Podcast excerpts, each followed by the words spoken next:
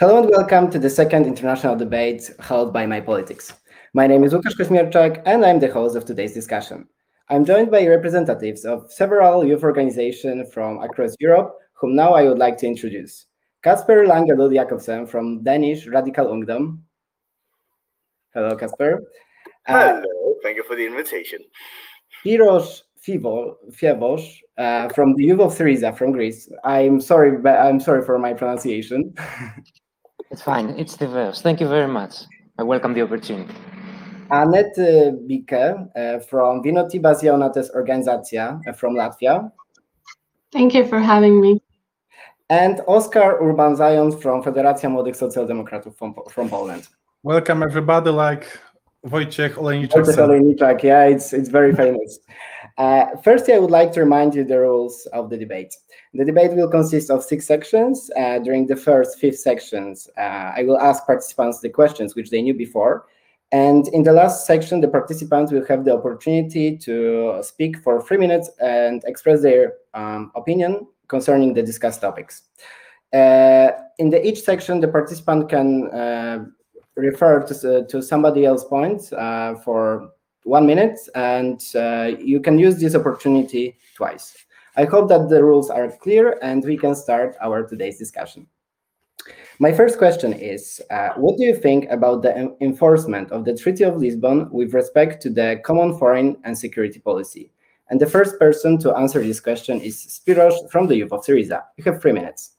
Thank you very much, Lucas. Um, on the international stage, Europe has found itself divided and uh, weak on critical issues. Europe needs a strong and independent common foreign policy capable of meeting global challenges in order to have a strong and equal presence on the international stage. For member states such as Greece, the CEFSP uh, strengthens protection against external threats um, through the Lisbon Treaty that enhances cooperation within member states. The Treaty of Lisbon is finally uh, demands finely tuned cooperation in order to be beneficial. All European parties now agree that the Treaty of Lisbon is obsolete. This cooperation, though, must be sought while maintain um, while taking Europe's people interests in mind. For the left, um, Europe must play a leading role in the fight for peace nuclear disarmament in tackling challenges such as pandemics, climate change, economic development, technological progress, the overconcentration of power and authority by international financial capital, and finally seek common solution referring to refugee migration flows in a humane way. The common European foreign policy must be based uh, on the principles of international law, on the peaceful cooperation of states within the framework of international rules, institutions, and organizations like the UN. Europe has to reject hegemony through the use of violence, unilateral action, nationalism, and protectionism. We seek a world with societies economically, politically, and culturally open to those around our continent throughout the world. Europe also must support human rights and democracy wherever and especially uh, where they're being violated. But we reject our outside imposition uh of regime change uh, under the pretext, uh, under the pretext of uh, defending democracy. Furthermore, Europe must maintain close relationship with Eastern and Southern neighbors, respecting the legitimate rights of third countries. Europe also needs closer relations with the United States based on common values and interests to meet uh, common challenges. Um, the Trump administration has severely tested the institutions of global cooperation as well as relations within our union. Regarding defense policy, we um, agree towards a common approach. However, we, the left, do not see defense policy as offensive militarization. Steps to deepen the CFSP and the common defense policy must be taken, but in a way that protects uh, the vital interests of all member states. Thank you very much. Thank you very much. And the next person to answer this question is Kasper from Denmark. You have three minutes. Thank you very much. In regards to European common and security policies, it of course does not work. Since when have you had 27 human beings in a room ever being able to agree on everything uh, together? That is not possible, and it's not possible in the European Union unless we're talking talking about highly uncontroversial policy changes, which of course we all know if nothing is controversial, then it doesn't really mean anything. Um, and that is the case in the European Union right now. And that's why we need radical change. We need to go for the Foreign Affairs Council to becoming part of the qualified majority voting as most things are decided in the European Union. Because if we don't, then uh, we are so easy to influence as it only takes one country to veto a policy change in our foreign policy. And that, of course, cannot continue. If we want a European Union that is strong internationally, that actually says no to Russia, is skeptical towards China, and even the United States, then of course we need a better policy or better policy mechanism uh, of making changes and promoting European values internationally. That is my point. Thank you. Thank you very much. And now I would like to hear Annette uh, about her opinion on this question. Thank you, Lucas. Um, common foreign and security policy with the objectives of security and peace is definitely welcomed by us. The European Union should remain a global normative leader, as we have been talking about for the past years, and only together can the Union be as influential to sit at the table with countries as US, China, and even Russia and to advocate for a rule-based international order. I think that is something that we all across the political spectrum can agree on, and together we can achieve more in globally detrimental causes such as climate change, nuclear control, data regulation, everything that was mentioned before. And we simply are stronger together for external global influence as well as for domestic uh, defense. Regarding the missions of the External Action Service, like Borrell's visit to Moscow, we feel that the Baltic and Nordic views in foreign policy are not executed as well as we'd hoped. But by that, I mean they're not fairly taken in account as a minority. What we would most envision in this cooperation is placing the common foreign and security policy questions in the hands of the parliament more as an institution. And we're glad to see recent statements and actions by this uh, European institution in particular on like Russia and Ukraine and Georgia and even China. And I think my colleagues at Unity Youth share the sentiment of seeing special value in a joint security framework. While we are well aware of the fact that national security is a question of the sovereign, we could only hope for a closer and more centralized cooperation in the future as the threats that we face, they are more and more common to us as a whole, and therefore only naturally these modern threats require a unified response as well. And we are forever grateful to be part of the NATO security community, and we see that within NATO, a more strategically coordinated European cooperation would be detrimental, and especially in combating these unconventional threats. We would be all for in future initiatives like the joint framework on countering hybrid threats, um, which allow the whole of society approach and engages institutions and private sector alike on different levels across the EU and uh, cooperation in different fields as well to make up the security guarantee. And initiatives such as PESCO with concrete projects on a voluntary basis is already a step in the right direction. And the Lisbon Treaty already does a lot with the language that member states should assist if a member state is subject to a terrorist attack or a victim to um, a natural or man-made disaster, which already includes some of these unconventional threats that I mentioned before. Um, also, interestingly, I can share the idea that was brought up uh, in the youth of the European People's Party um, uh, convention last fall about introducing the, an EU Commissioner for International Security um, and taking steps towards a true security union. And to conclude, um, if deeper EU cooperation in security issues will only benefit and strengthen NATO, keeping high American interest as well, we should do it. But if there's any minimal chance that EU could parallel NATO functions, it should not be the way forward. Um, for example, we're skeptical about the forever flying around idea of a European army. Thank you very much. The, the three minutes has passed. And now, last but not least, Oscar from FMS. You have three minutes. Mm, Thank you. I think that the most important change that introduced by the Treaty of Lisbon is the European Union gained um, legal uh, personality and became a single subject of international relations. Um, thanks to this, is uh, it acts as a block with the diplomatic power uh, compatible to such powers as United States or uh, People Republic of uh, China the Union, um, acting as a unified actor in international relations, mm, gets uh, greater strength and a chance to success uh, success of uh, negotiations with the global powers that all its member states taken uh, separately. The treaty also introduced the position of the High Representative of Union for foreign affairs and security policy.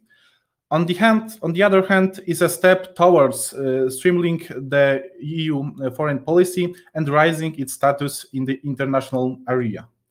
On the other hand, putting such much power in the field of international um, relations in the, in the hand of the one person uh, may raise some uh, concerns. As a democratic force, we believe that the European Parliament uh, should have greater control over the EU executive branch. Um, it's a body with the strong democratic legitimacy to make key decisions. In the European Parliament, uh, that best represents the diverse of, view, of views around the whole European Union. Although the treaty, the treaty of uh, Lisbon extended the power of uh, Parliament in our option uh, to an unsanctified degree. Uh, we should uh, strive to reform the Uh, European Union towards great democratization, which will uh, require increasing the powers uh, of the Parliament also in the field of security, foreign, foreign policy, and also economic. Thank you. Thank you very much. And Casper expressed his willingness to refer to Annette's point, and now you will have one minute to say what you want to say. Thank you, Lucas. And uh, it was regarding Annette's point whether or not the, the EU should have any military competences that parallels NATO. And in my mind, of course it should. We need a European Union that uh, is strong in all military aspects. When it comes to military operations and military cooperation, you cannot pick and choose where you want to develop in specific alliances. NATO is extremely important for the EU, and of course, uh, we should continue to be part of that. But we should also develop our own, which, by the way, NATO themselves also say is a great idea. A fantastic uh, uh area where NATO and the EU work perfectly in parallel together in, is in the uh, new JAP policy that has been made by both NATO and the EU that combines our um, air power much more effectively. And those kind of stuff we need to promote even more. We need a stronger European cooperation in terms of military, uh, while still uh, getting ever closer to NATO as ever before. Because unfortunately, the EU has Thank already. you very much, Casper. Oh, One minute. And now, Annette, you would you like to comment on this? I will very shortly because I don't feel like me and Casper were really uh, at odds with each other. Um, he also sees the role of NATO, and of course, there should be an increased uh, cooperation within the EU. As I said, the whole of society approach, how we can make our private sector and our institutions cooperate, and how we can encourage trust amongst member states to share intelligence, to assure there's critical infrastructure, and all that to make the security union more effective as part of NATO. Thank you very much. And that was the last answer in the first section of our debate. So we are moving toward the second question. And uh, I think some of you already touched upon this issue. So should we get rid of the unanimity rule in the European Council when it comes to the most sensitive issues? And the other part of this question is very up the relating to recent events uh, concerning Be Belarus.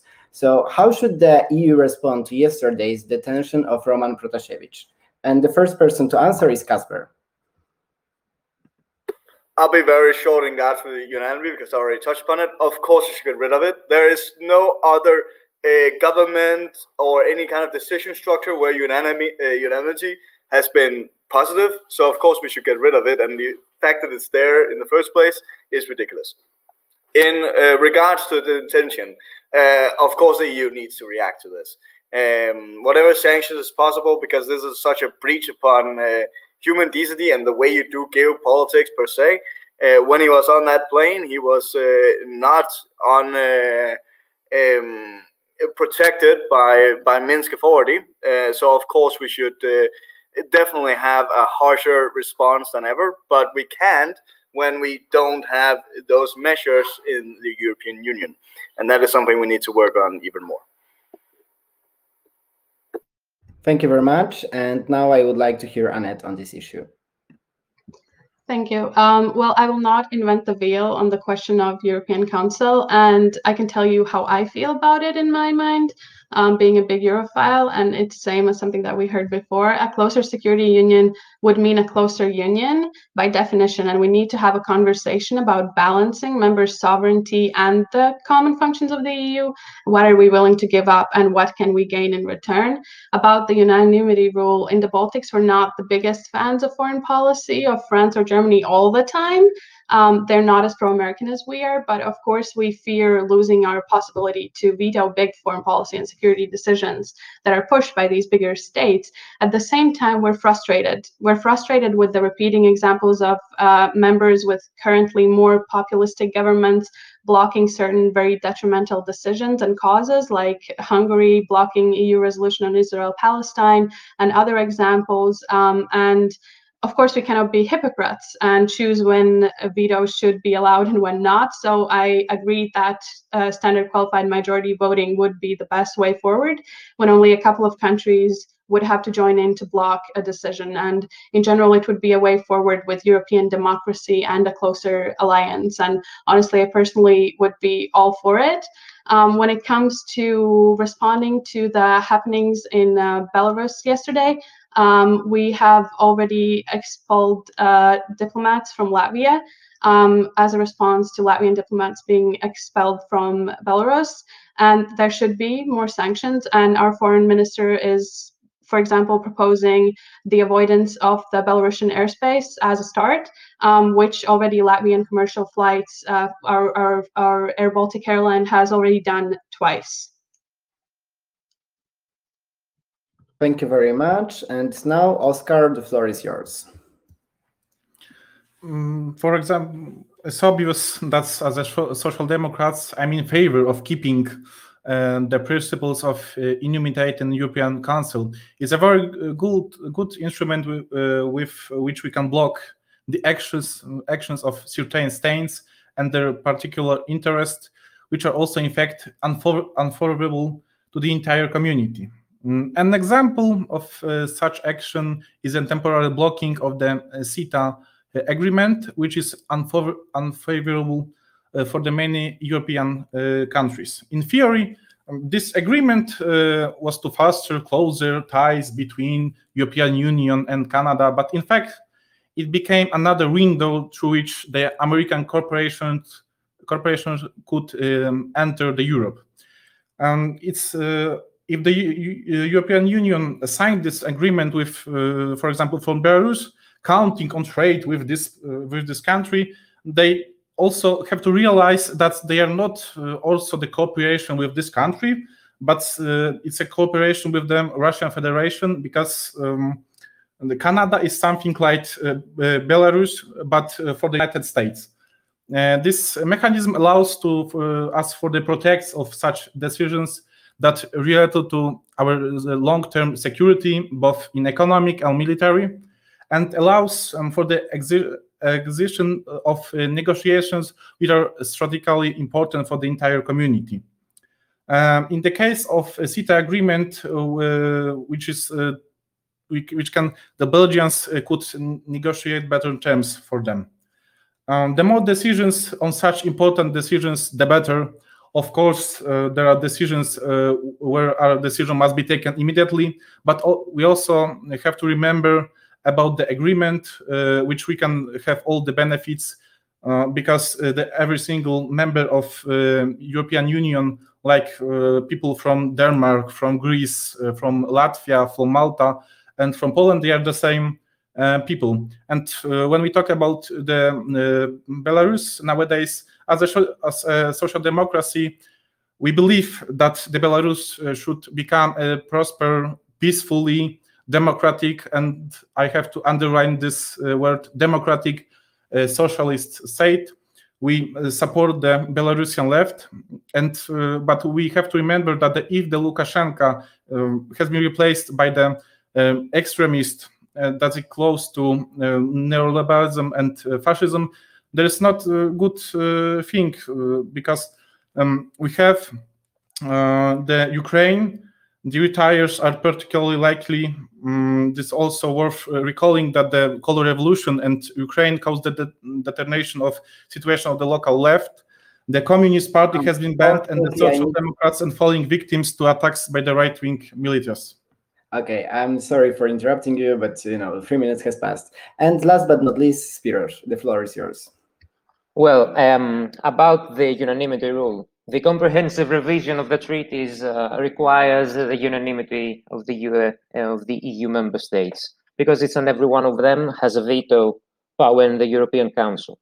The current balance of power in the European Council reveals the existence of a large majority in favor of maintaining and strengthening the current approach regarding economic governance and foreign policy.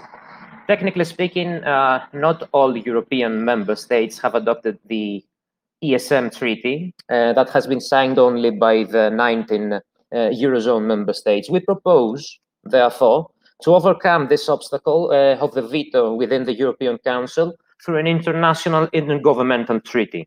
Uh, the veto power is supposed to be used as a tool for smaller uh, countries uh, or weaker European countries in order to defend their interests. But on the contrary, we have seen quite the opposite throughout the year. Smaller countries use veto power in favor of bigger ones or stronger ones. Um, a solution could be that uh, in order to make a decision, we could have a 70% uh, agreement. Uh, we also believe that matters uh, regarding the people of the European Union should be taken in the Euro, uh, in the Euro Parliament or even to the people themselves through the form of uh, memorandums. Um, now, about the Belarusian incident. Um, um, from the few things that we know that because that happened yesterday, um, KGB agents um, boarded the plane from Athens. This has to do with our um, ability to to see what is going beneath our noses but um, okay of course i'm going to be opposition political against new democracy of the epp but um, i would like to express my strong uh, opposition against the belarusian regime but i would like to digress uh, in only uh, a small matter. I wouldn't like uh, a dictatorship such as belarusian uh, government to be treated like the one in Ukraine uh, with oppositional forces that are hand in hand with the far right and Nazi forces. Um, we strongly uh, agree with sanctions against Belarusian state, but we would not like this country to steer towards neoliberalism and fascism. Thank you very much. Thank you very much. And that was the last answer in this section. And now we are moving to the first uh, third section. And the question is, oh, sorry, Casper would like to respond to uh, Spiros' uh, answer. Right. So, I, I just wanted Spiros also to, to mention, like, while I'm not a neoliberal myself, there's a huge difference between being a neoliberal and then a fascist. And Ukraine has evolved into a better democracy than it was uh, before 2014. So we have seen a positive development in Ukraine, and we should not uh, diminish that. Even though, of course, there are negative uh, ways where uh, right wing and sometimes left wing uh, politicians have been, or political actives have been beating each other down. That should, of course, be condemned and uh, and should be worked with. But Ukraine has been moving slowly and surely into a much better society than it was. So we really need to also hype that up more. Uh, and in my mind, I cannot see how it can be even worse uh, in Belarus than it is now. The last remaining dictatorship in Europe, and it should be brought down by the people, and it was very close to. Um, so there is definitely uh, something we can do there. Spiros, would you like to answer? Yes, I, I don't quite agree. Eh, I don't quite disagree. Um, one thing I'd like to say is uh, I think that other countries in Europe, maybe they're not technically dictatorships, but they are of democracy. Um, but uh, I would like to say that I'm not uh, linking neoliberalism with uh, fascism. But I uh, I like to digress and say that uh, there's physical force and there's uh, there's physical violence and there's um, uh, social violence but uh, i wouldn't like to to to make uh, an impression that I am thinking that they are the same. But um, regarding Ukraine, um, they had civil war and uh, there were physical violence from uh, right-wing uh, parties. But um, what I would like to see in Belarusian state is that uh, they do not go to a civil war and we resolve this crisis peacefully. That's all Thank I'm you saying. very much. And Oscar expressed his willingness to respond to Casper points. Uh, So you have one minute, Oscar. Yeah, thank you. I have to ask you a question. That's uh, there's no uh, political pluralism. There's no democracy uh, when we have um, a um, country which uh, the um, where the left wing activists are killed. For example, in Odessa, the, there's it's not a good change because you have a dic- strong dictatorship and you uh, try to to build a new democratic society without any rules. For example, where's the left wing on the uh, in the Ukraine? There is no any there is no left wing parties because uh, they are strongly in opposition to the government, to the liberal government. Uh, so there's there's there's not a good way to change anything. If we have to change uh, the uh, our uh, public policy, we have to remember about the all the political uh, parties and the all the rights of the all people, not only the rebels of the right wing. Thank you. Casper, you have one minute to respond to that.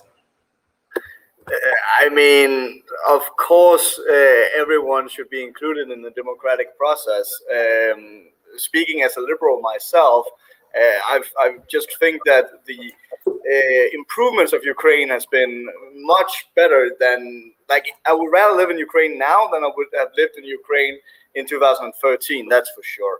Uh, you've been much more um, political participation and uh, and being able to communicate political ideas. I'm not saying it's perfect. There are violence out there, of course there is, um, and that should be addressed. But let's also give Ukraine uh, the the credit they deserve to building up a, a country uh, that is currently in war, uh, as we may not forget. Thank you very much. Our discussion has become more vibrant, and now we are moving to the third section. So, my question now is what should be the European approach towards Russia? And the first person to answer this question is Oscar from FMS. Yeah, thank you. I think that the Nord Stream is a project that uh, makes no sense. There is no any economic and political sense uh, for this uh, for this perspective of the interest of the entire European Union. Um, I think that we need to invest in cheap and uh, environmentally friendly renewable energy that will ensure our independence from the foreign energy supplies. Moreover, in the long term, the investment in the bet is a bet even for the Russia.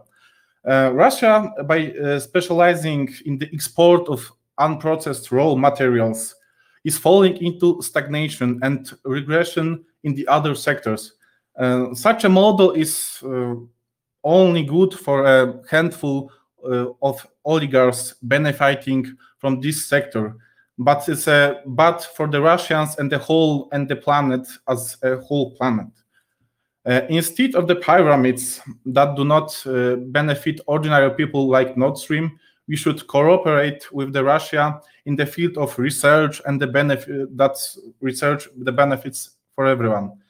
As uh, social democrats, um, we find uh, Borrell's policy very disappointing because because it looks um, especially bad comparing to the Federica Mogherini, which is also from our political family, whose policy was well, was responsible, multipolar, and aimed to at the benefit of the entire European Union uh, and not overseas uh, corporations. Um, as for the visit itself, Borrell should not lecture Russians about the definition of the right-wing extremist Navalny, Espe- especially as a political from the country where left-wing activists and artists such as Pablo Hasél are being arrested and sentenced. It's a shame for uh, me as a European uh, uh, citizen uh, that uh, her of our diplomacy found time to stamp up uh, for a far- far-right extremist activist uh, rights, but uh, he didn't find time to attend the celebration of the victory over fascism in Europe. Thank you. Thank you very much. And now I would like to hear Annette. You have three minutes. I'm a little disappointed I wasn't given the word first because I usually introduce myself as coming from the eastern border of the Western world. Um, the facts are that Russia is neither a liberal nor a democratic uh, state and has been increasingly and outwardly hostile towards the West in the recent decade, and 2008 aggression towards Georgia, 2014 annexation of Crimea, continuous cyber attacks, information manipulation. Then there's also the serious military threat that we saw with the recent buildup of Russian troops on the border of Ukraine. At the time, EPP put out a statement concerning the escalation of the war in East Ukraine, urging a ceasefire. Um, Unity Youth Organization shares the common understanding with our party and with Latvian foreign policy experts uh, in general that Kremlin's aggression is a serious threat to EU security. We understand the frustration that some might have with the seemingly failing current approach of responsiveness instead of proaction, how we choose to condemn and uh, do sanctions after Kremlin's campaigns instead of creating an active dialogue. But we are reluctant to currently see the value in an increased conversation. After all, willingness to compromise and appease um, an aggressor has not worked in the past. And to be frank, many Latvians were left wondering about what the strategic dialogue that Macron called for with Russia during his visit to Riga back in September really entailed. Um, coming from Latvia, we both have the memory from the past that is still very alive without the Russian acknowledgement of the Soviet occupation of the Latvian state. And we still see Kremlin's meddling as a threat today. Um, and the main reasons for Borrell's visit was supposedly to give a statement on Navalny. And we definitely agree with the necessity for EU to advocate for human rights and democracy abroad. Here, I don't really agree with Oscar's sentiment because I feel like an opposition is opposition and democracy should be encouraged. Unity Youth has continuously supported the Russian opposition, especially during the reactivated persecutions, and we condemn the arrest of Navalny. At the same time, it is clear that Borrell's visit was also an attempt at a dialogue with Kremlin, and I personally think it is an ironic statement of its own how Borrell learned about the expulsion of European diplomats at the time of these negotiations. It serves as a comment on the non feasibility of a current rapprochement. Uh, another issue is, of course, the energy dependency on Russia. Uh, uh, that enables Kremlin to use oil and gas as tools to exercise both hard and soft power within the EU. There's the clear possibility to manipulate prices, threaten uh, to cut the supply with a hybrid attack, as we saw in Ukraine. And we're against the completion of Nord Stream 2 um, to decrease Russia's influence. And we welcome the green transition as a great pathway towards a strong, independent, and most importantly, sustainable energy union. Um, to conclude on the general path forward, as far as EU policy towards Russia goes, we would advocate increased EU energy independence, common response to unconventional threats, and definitely no rapprochement as of now. Thank you very much. And now I would like to hear Spiros. You have three minutes. Yeah. Um, well, on the occasion of the crisis in Ukraine in the past, uh, we were witnessing the resurgence of uh, outdated Cold War Euro-Atlanticism. Uh, the current prevailing policy in the EU does not only threaten Europe with a new period of economic recession, with social decline and rise of racism and far-right nationalism. It also threatens the EU in the context of a multidimensional uh, foreign policy. Um, the degradation of the US and Germany in the conflict of Russia.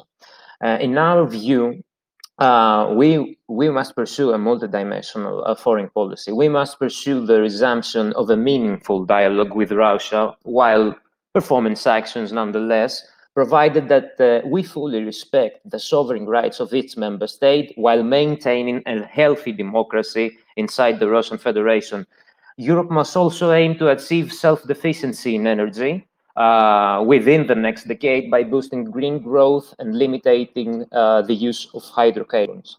Uh, therefore, in the light uh, of the um, Nord Stream, we are skeptical about this project. Uh, for Syriza and uh, for the young left, globali globalization and post-war global and regional developments require a peaceful, multidimensional European foreign policy from our side, of course, taking in mind our, cru our crucial geopolitical position, for instance, about us Greeks.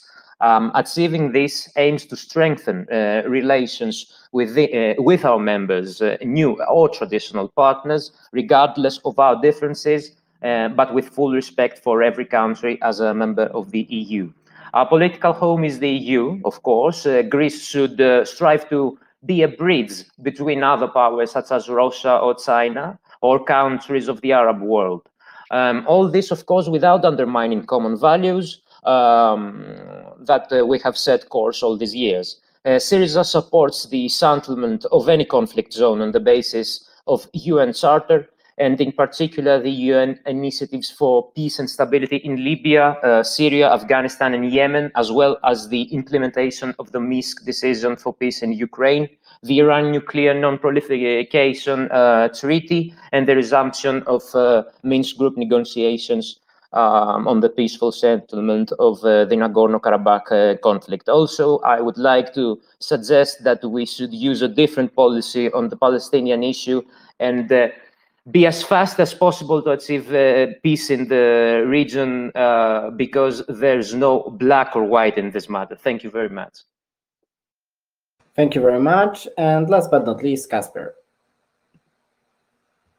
Thank you very much. What do I think should be the EU policy towards Russia? Well, I just wish there was one. I just wish there was a united vision at all.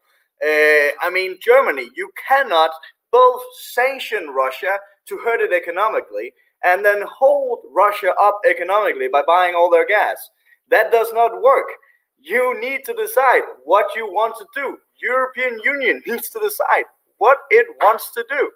Now, I am in favor of being hard on Russia, or the Russian government, that is, um, because after all, uh, Crimea is currently under occupation by Russia. This is no longer the 18th century, ladies and gentlemen. Uh, we cannot just uh, have countries grab land wherever they see fit. We have international law for a reason, and this was illegal by all accounts. So, of course, we need to support Ukraine's, uh, well, re uh, ambitions of taking it back, uh, hopefully diplomatically, of course, um, because that is the best way to do it. But we cannot let it stand that Russia keeps taking and taking and taking and being an adversary in this regard, because uh, we're currently losing this battle, lads. We're currently losing both in uh, the territories of Ukraine, in the Middle East. Uh, when it comes to cybersecurity, our elections are getting hacked uh, every time, and we need to do something about it. And the best way to do it if is uh, the European Union could unite in one common strategy rather than just sitting on their hands or doing saying one thing and then doing another. Uh, so yeah, straight and narrow, get a vision, and then go for that vision. Thank you very much. Thank you very much, Kasper. And uh, that was the last answer in this section, but Oscar expressed his willingness to refer to Annette's point. So now you have one minute and the floor is yours. Yeah, thank you. I think that the conflict between Russia and Ukraine is a failure of European diplomacy and a big uh, and a huge victory uh, of the United States because the conflict is divided more Russia and EU than the United States. Uh, the European Union should strive to end all the conflicts and all the wars as soon as possible and initiate mediation between Russia and Ukraine. This, however, requires the European independence from the United States. As long as we do not show the Russia the, the, our independence, Russia will see us as a dependent of the United States, which is Russian hostile country. Uh, and uh, at the end, I want to add something that the 10 years of negotiations are better than one day of war. Thank you. Annette, would you would like to respond? Yes, uh, Oscar is a very, very nice dreamer. Um, I don't think it's realistic to end all conflicts overnight. And I think that it's very regrettable to say that uh, this conflict between EU and Russia is the direct product of EU's inability um, to create an effective policy. It is the direct consequence of Russian aggression. And we can't be international you know like international relation liberals if the other ones the other actors are realists if they are aggressive, then we have to respond accordingly. Thank you very much. And that was the last answer uh, in this in this section. Now we are moving towards fourth section, and the question is how to compete with China and the USA in the post-pandemic reality. And the first person to answer is Annette from Unity Youth. Thank you. I will concentrate maybe a little bit more on China, uh, as it is a, a, little bit more topical. Of course, we see the United States, um, we see how we can renew and revitalize our relationship with the recent uh, election and the new leadership. So we more see the US as um, our ally and close um, close ally rather than a competitor. So about China, uh, I would like to open by saying that Unity Youth condones the human rights violations by the People's Republic of China, including the actions towards the Republic of China, Hong Kong, and the Uyghur population. And Youth uh, EPP has recently called for the halt in the ratification of the EU-China Comprehensive Agreement on Investment, uh, which we all know is currently the case due to sanctions that some Western countries imposed on China and China imposed on European MEPs. Nevertheless, uh, China is the world's biggest, fastest growing economy right now and the EU's second biggest trade partner. And if you ask me how to compete with China, I say compete with China. The best way forward is to find a way to assure economic cooperation, which includes sooner, um, better than later passing this comprehensive agreement, in my opinion. Yes, same as Russia, China is not a liberal democracy, but Europe needs to think strategically about ways to promote democracy and human rights abroad, uh, including there. We do not see an agreement with China as an end itself, but rather merely as means for firstly remaining competitive and assuring some level of security on a global scale for the European Union, and secondly, furthering the promotion of human rights and democracy abroad.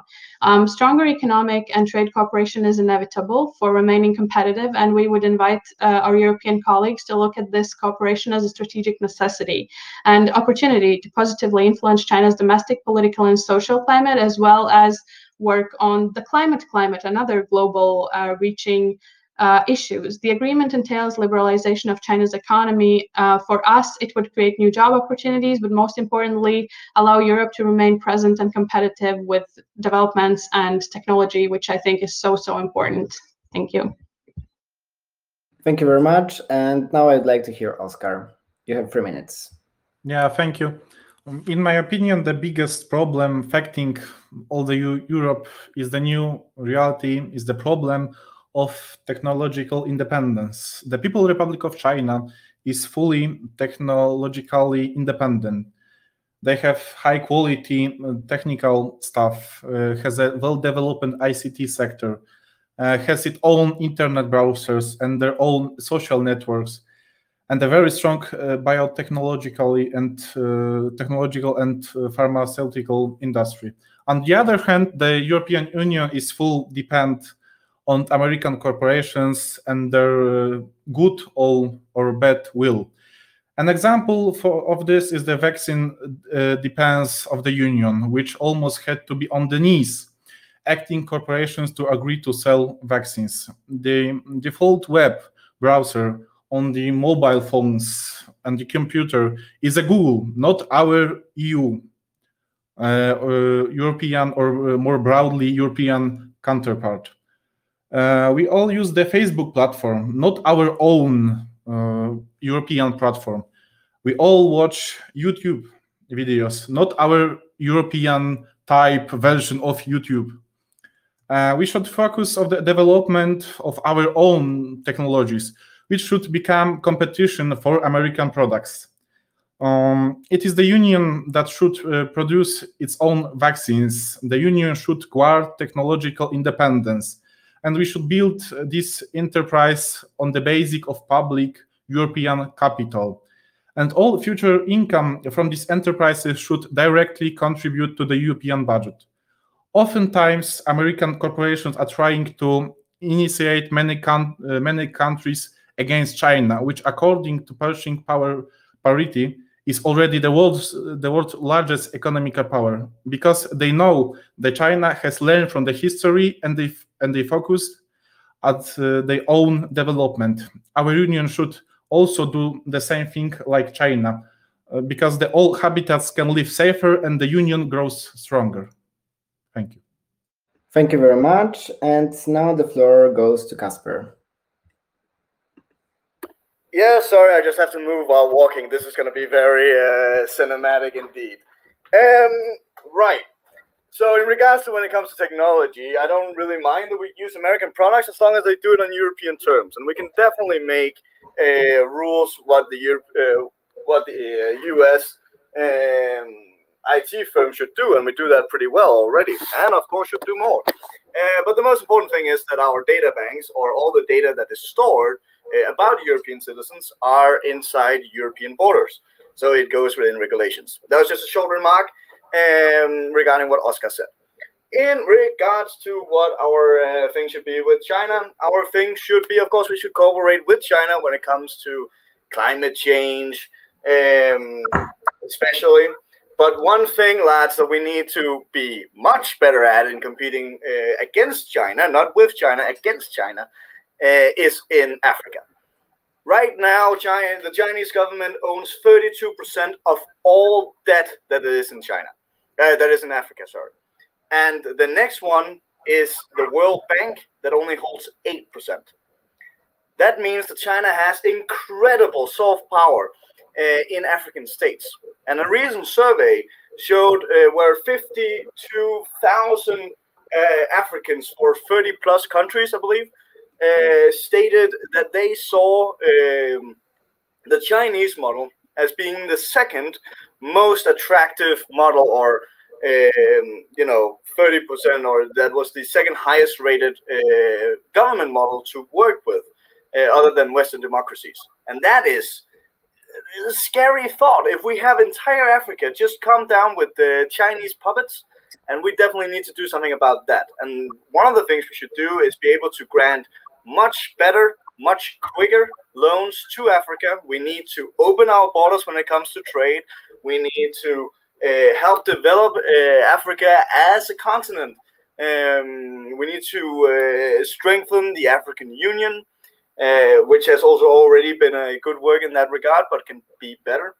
And that is definitely where I think the EU should do much more of the focus. I mean, forget about the migrant issue.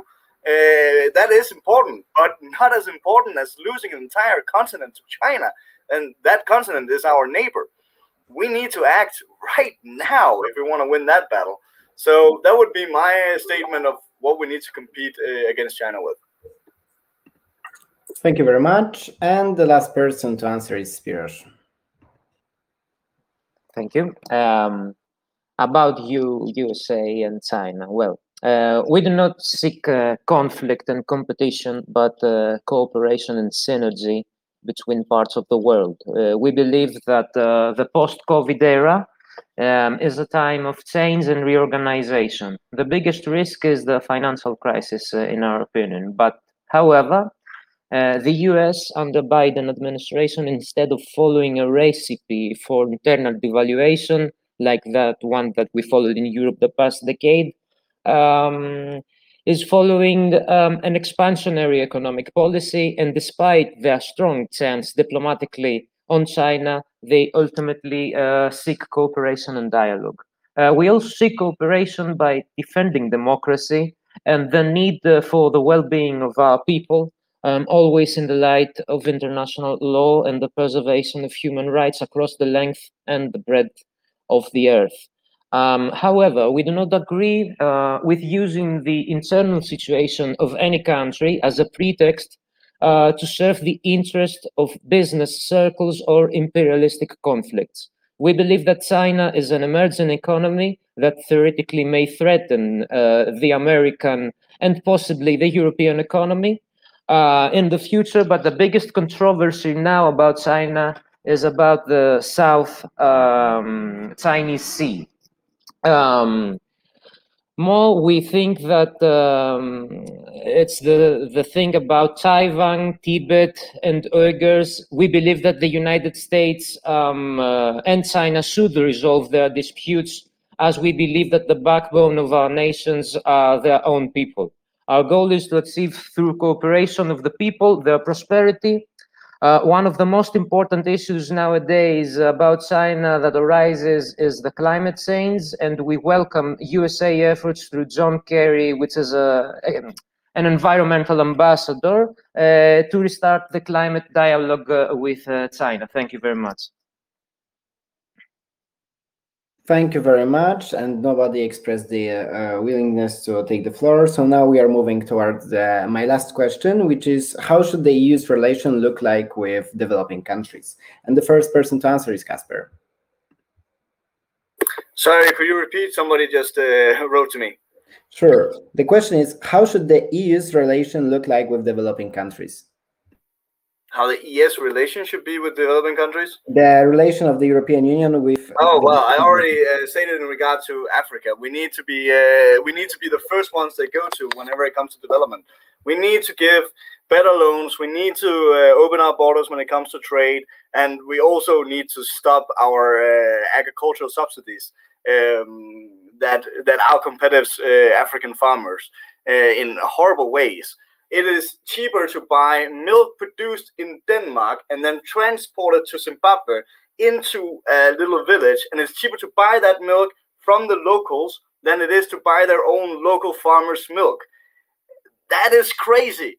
And the only reason why that is possible is because the EU has money after farmers in Europe, uh, which we don't do with any other sector.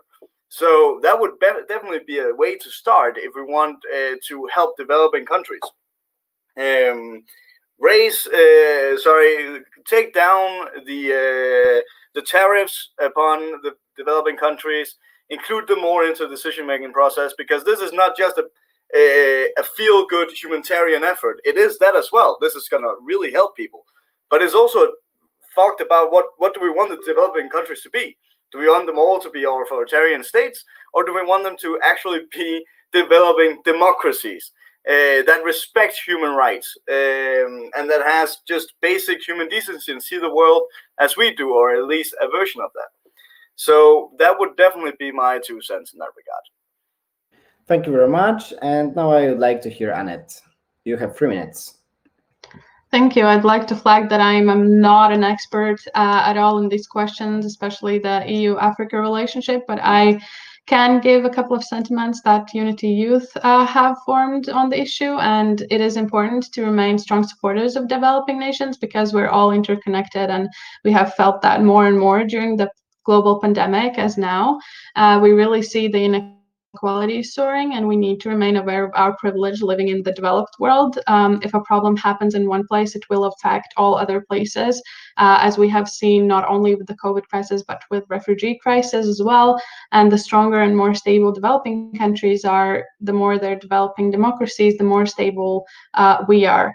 Um, on that note, it is important to highlight that the EU is the biggest donor to developing countries around the globe. We provide around 55% of all donations. There's financial aid and material aid that includes food, medicaments, contraceptives, water cleaning machines, and others. And it mostly goes to Africa and Central Asia. So the situation is not as horrible, in a competition with China, but of course we need to pay more attention to what is happening in Africa as well. Um, however, it uh, can, it will be very wrong approach to for developing nations to look at this issue from the point of view of we're wealthy Europeans and we will give you money, of course. Um, greater access to European markets for those country products and European investments in those countries probably would do much more good than simply allocating um, aid and funding.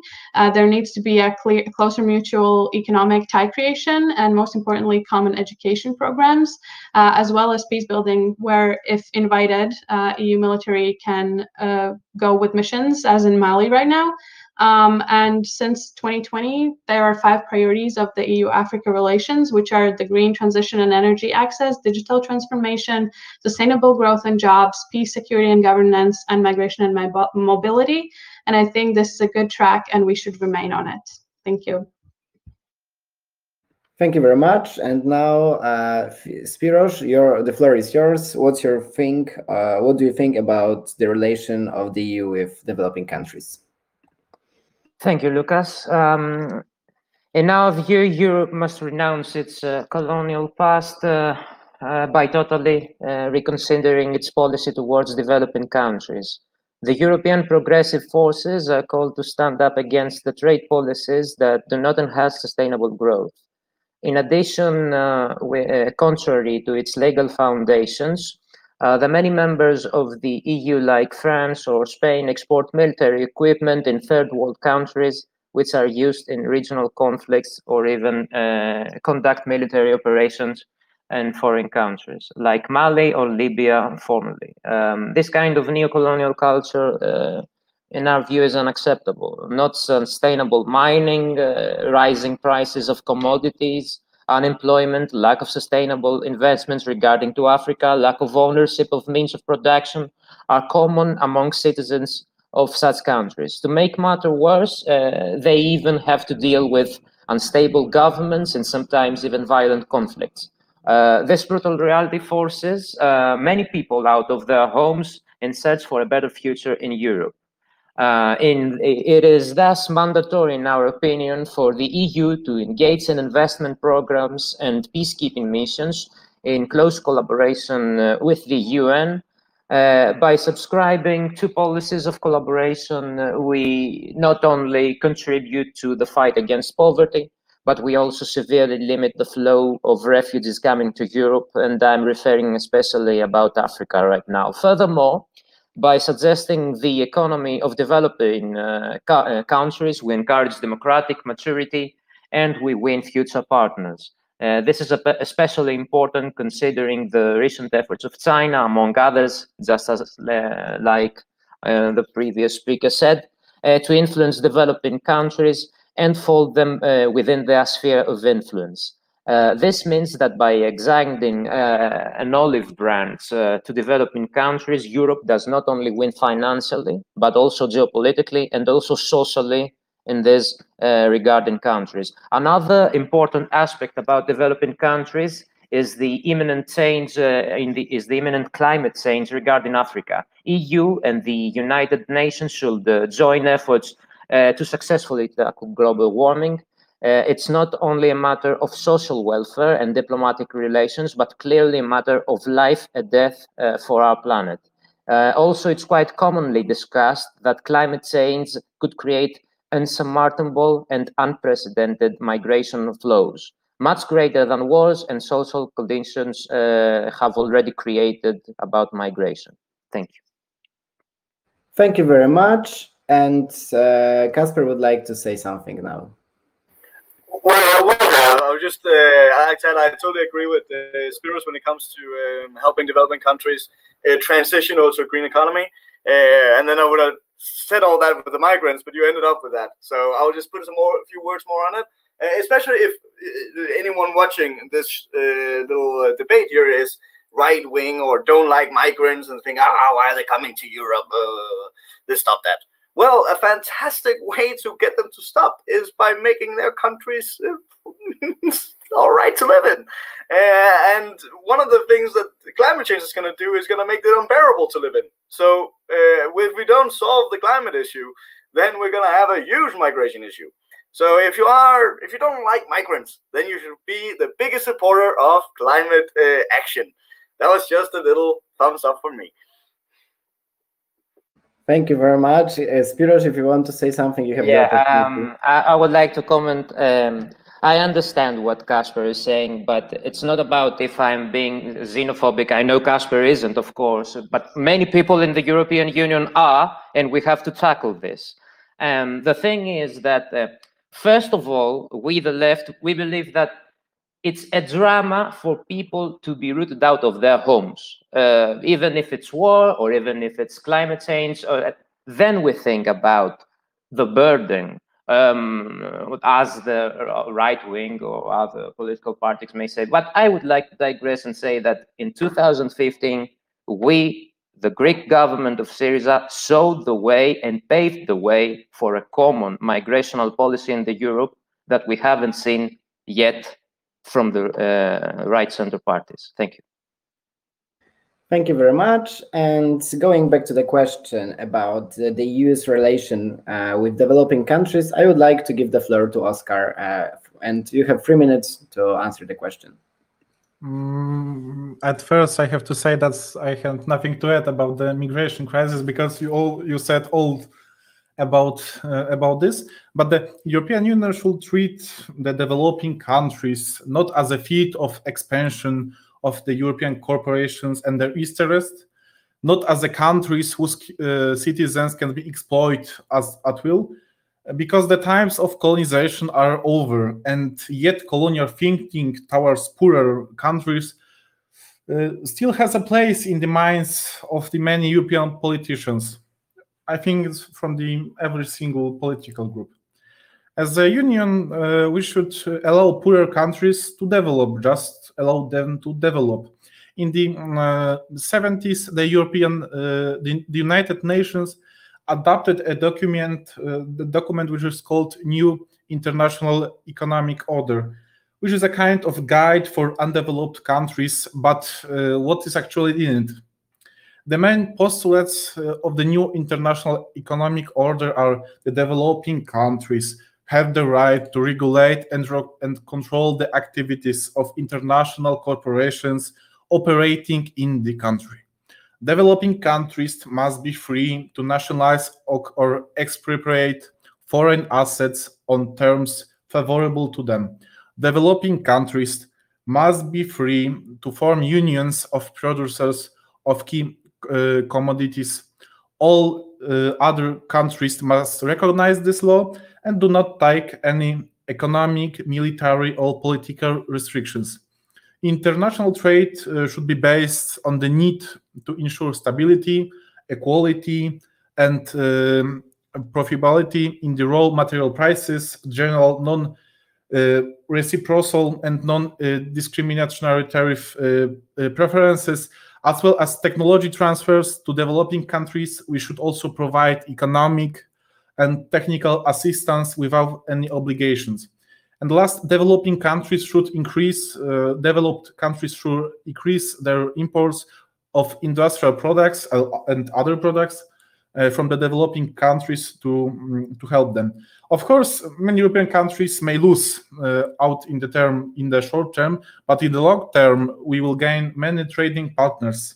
I will underline this, underline this, partners um, which uh, with uh, which we can uh, trade and they work together to promote uh, technological development and fight poverty on the on all, all over the world on the globe not the point based scale no, thank you Thank you very much. And that was the last answer uh, in the fifth section. And now we are moving to the last section. and now you have three minutes to say anything concerning the discussed topics, which is European Common Foreign Policy. The first person to answer is Spiros from the Youth of Syriza.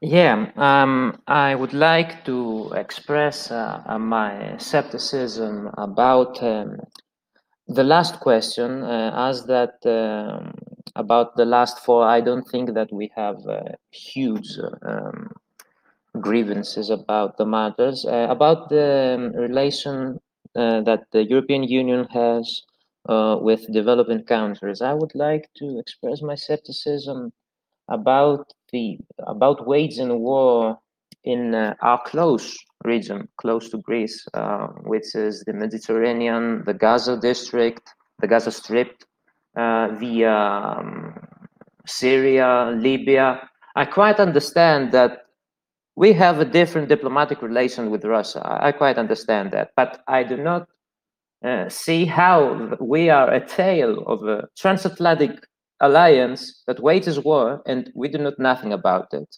And I would like to um, ask uh, um, all our colleagues right now um, how we see uh, our cooperation with developing countries like Palestine or like uh, Syria or like any of them um, in a form of peaceful negotiation and not uh, condemning them from uh, uh, being settled and throwing rockets. I don't know. I, I condemn Hamas. I, I, I really do.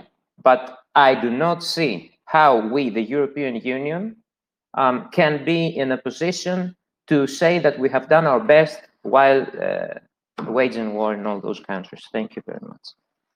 Thank you very much. And now the floor goes to Casper. Thank you very much. Um, I've already said the most important thing be uh, before get rid of the unanimity uh, rule. If we really want to do anything with the European Union, we also have to do it externally. And the only way to do it externally is if we can actually get action. And the way to get action is by using the qualified majority uh, system that is already used, um, because we've been shown it works. So that would be my highest. If you take anything away from this debate, then it is that. Get that changed as fast as possible. Get your politicians to agree, um, because after all, it is the member states who change the treaties. Um, and the faster we can do that, the better. Because otherwise, we're not going to be able to tackle um, our future security risks that there are. Um, let's all be glad and thankful that United States has gotten a new president that actually knows what he's talking about when it comes to security policies and may not be in the pocket of the Russians. Um, and uh, I really, really hope that uh, the EU and the United States are going to have a much better relationship than they had in the past. Um, and yeah, that's pretty much it. I think we got touched upon uh, most issues. Uh, I have to go now because I have a meeting. Um, but thank you so much for the invitation. It's been really fun, uh, especially against you guys uh, as my colleagues there. It was really good, uh, and have a have a good time. All right, love each other. Remember that.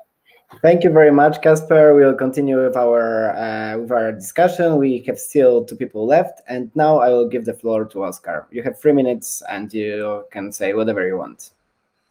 I think that that's, I have nothing special to add, but uh, I think we, as a European Union, uh, we must act for the peace and treat countries outside Europe as the partners. We have to give up the Western certain perspective. We also need to support each other internationally in European Union because we are not uh, because we are one community and not a set of countries uh, from which each uh, one is doing what they want. Um, as I said about the war, it's not a simple it's not a simple uh, thing when we talk about uh, Ukraine and about Belarus. We cannot look at this point. Okay, uh, here we have a dictatorship, um, and we need to strike it. Yes, we need to strike it to destroy, to provide a full democracy and so on. But we have to remember about the all um, kinds of of polity which can uh, uh, make this uh, this democracy in this uh, in this countries because let's look at the near um, east when we when the European Union and the United States destroyed the um, dictatorship, the socialist dictatorship, uh, and now in these countries we have uh, Islamic radical dictatorship. The, I don't think this is the uh, best way to um, prepare a full democracy, all the liberal values, all, and maybe all the social democratic uh, values. We need to remember that the, uh, it's not as simple as we can see it. I also think it's not the simple one.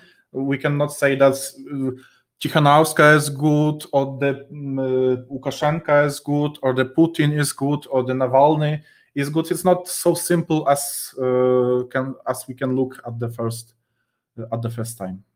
Thank you. Thank you very much. And the last answer of this debate, uh, the floor goes to Annette. Thank you. I think as a representative of the Youth EPP, you have heard the least number of controversial statements from me today.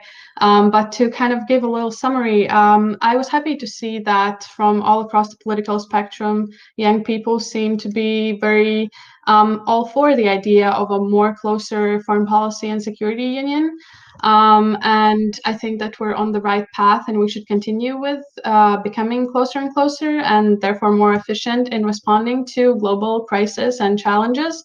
Um, as well as supporting the development of democratic regimes abroad, um, which includes Belarus and Ukraine, uh, and in their fight against uh, also Russian influence in these states. And if we can't say that Navalny is good or Putin is good, we can definitely say that Putin is bad, and he has proven it in practice.